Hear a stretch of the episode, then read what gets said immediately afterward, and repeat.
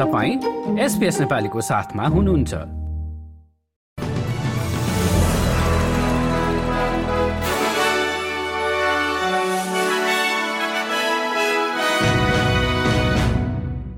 नमस्कार। आज बुधबार तेह्र डिसेम्बर सन् दुई हजार तेइस। अब पालो भएको छ एसपीएस नेपालीमा। आजका प्रमुख अस्ट्रेलियन समाचारहरू सुन्ने।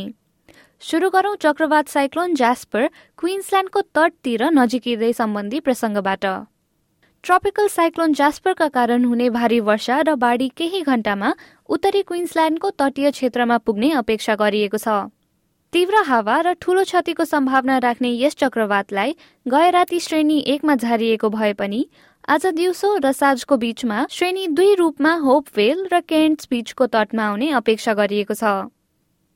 विपक्षी ट्रेजरर एङ्गस टेलरले सरकारको आर्थिक प्रक्षेपणमा मुद्रास्फीतिलाई सम्बोधन गर्ने वा परिवारहरूमा दबाव कम गर्ने केही पनि नभएको बताएका छन्। सरकारको अर्धवार्षिक आर्थिक अपडेटले बजेट घाटा घटेर एक अर्ब दस करोड भएको देखाएको छ जबकि मे महिनामा तेह्र अर्ब नब्बे करोड डलर रहने अनुमान गरिएको थियो। उता क्विन्सल्यान्डरहरूले सन् दुई हजार चौबिसमा राज्यको अर्थतन्त्रमा वृद्धि ल्याएको कोइला रोयल्टीहरूद्वारा जीवन लागतको दबावबाट राहत पाउने बताइएको छ। ट्रेजरर क्यामरन डेकले बुधबार तेह्र डिसेम्बरमा आफ्नो अर्धवार्षिक बजेट समीक्षा हस्तान्तरण गर्दै आगामी दुई वर्षमा अर्थतन्त्र तीन प्रतिशतले वृद्धि हुने संकेत दिएका छन्। अब अन्तर्राष्ट्रिय प्रसङ्गमा संयुक्त राज्य अमेरिकाका राष्ट्रपति जो बाइडेनले इजरायलले गाजामा अन्धाधुन बमबारी गरेकाले विश्वव्यापी समर्थन गुमाउने खतरा रहेको बताएका छन्। संयुक्त राष्ट्र संघले मानवीय युद्ध विरामको माग गर्नुभन्दा केही घण्टा अघि नै उनले उक्त टिप्पणी गरेका हुन्।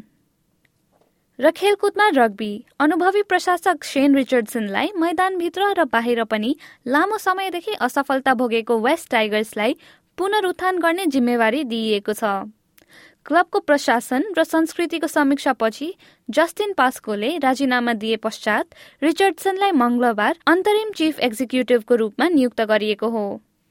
हस्त एसपीएस नेपालीबाट आजका प्रमुख समाचार यति नै। सुरक्षित रहनुहोस्। नमस्ते।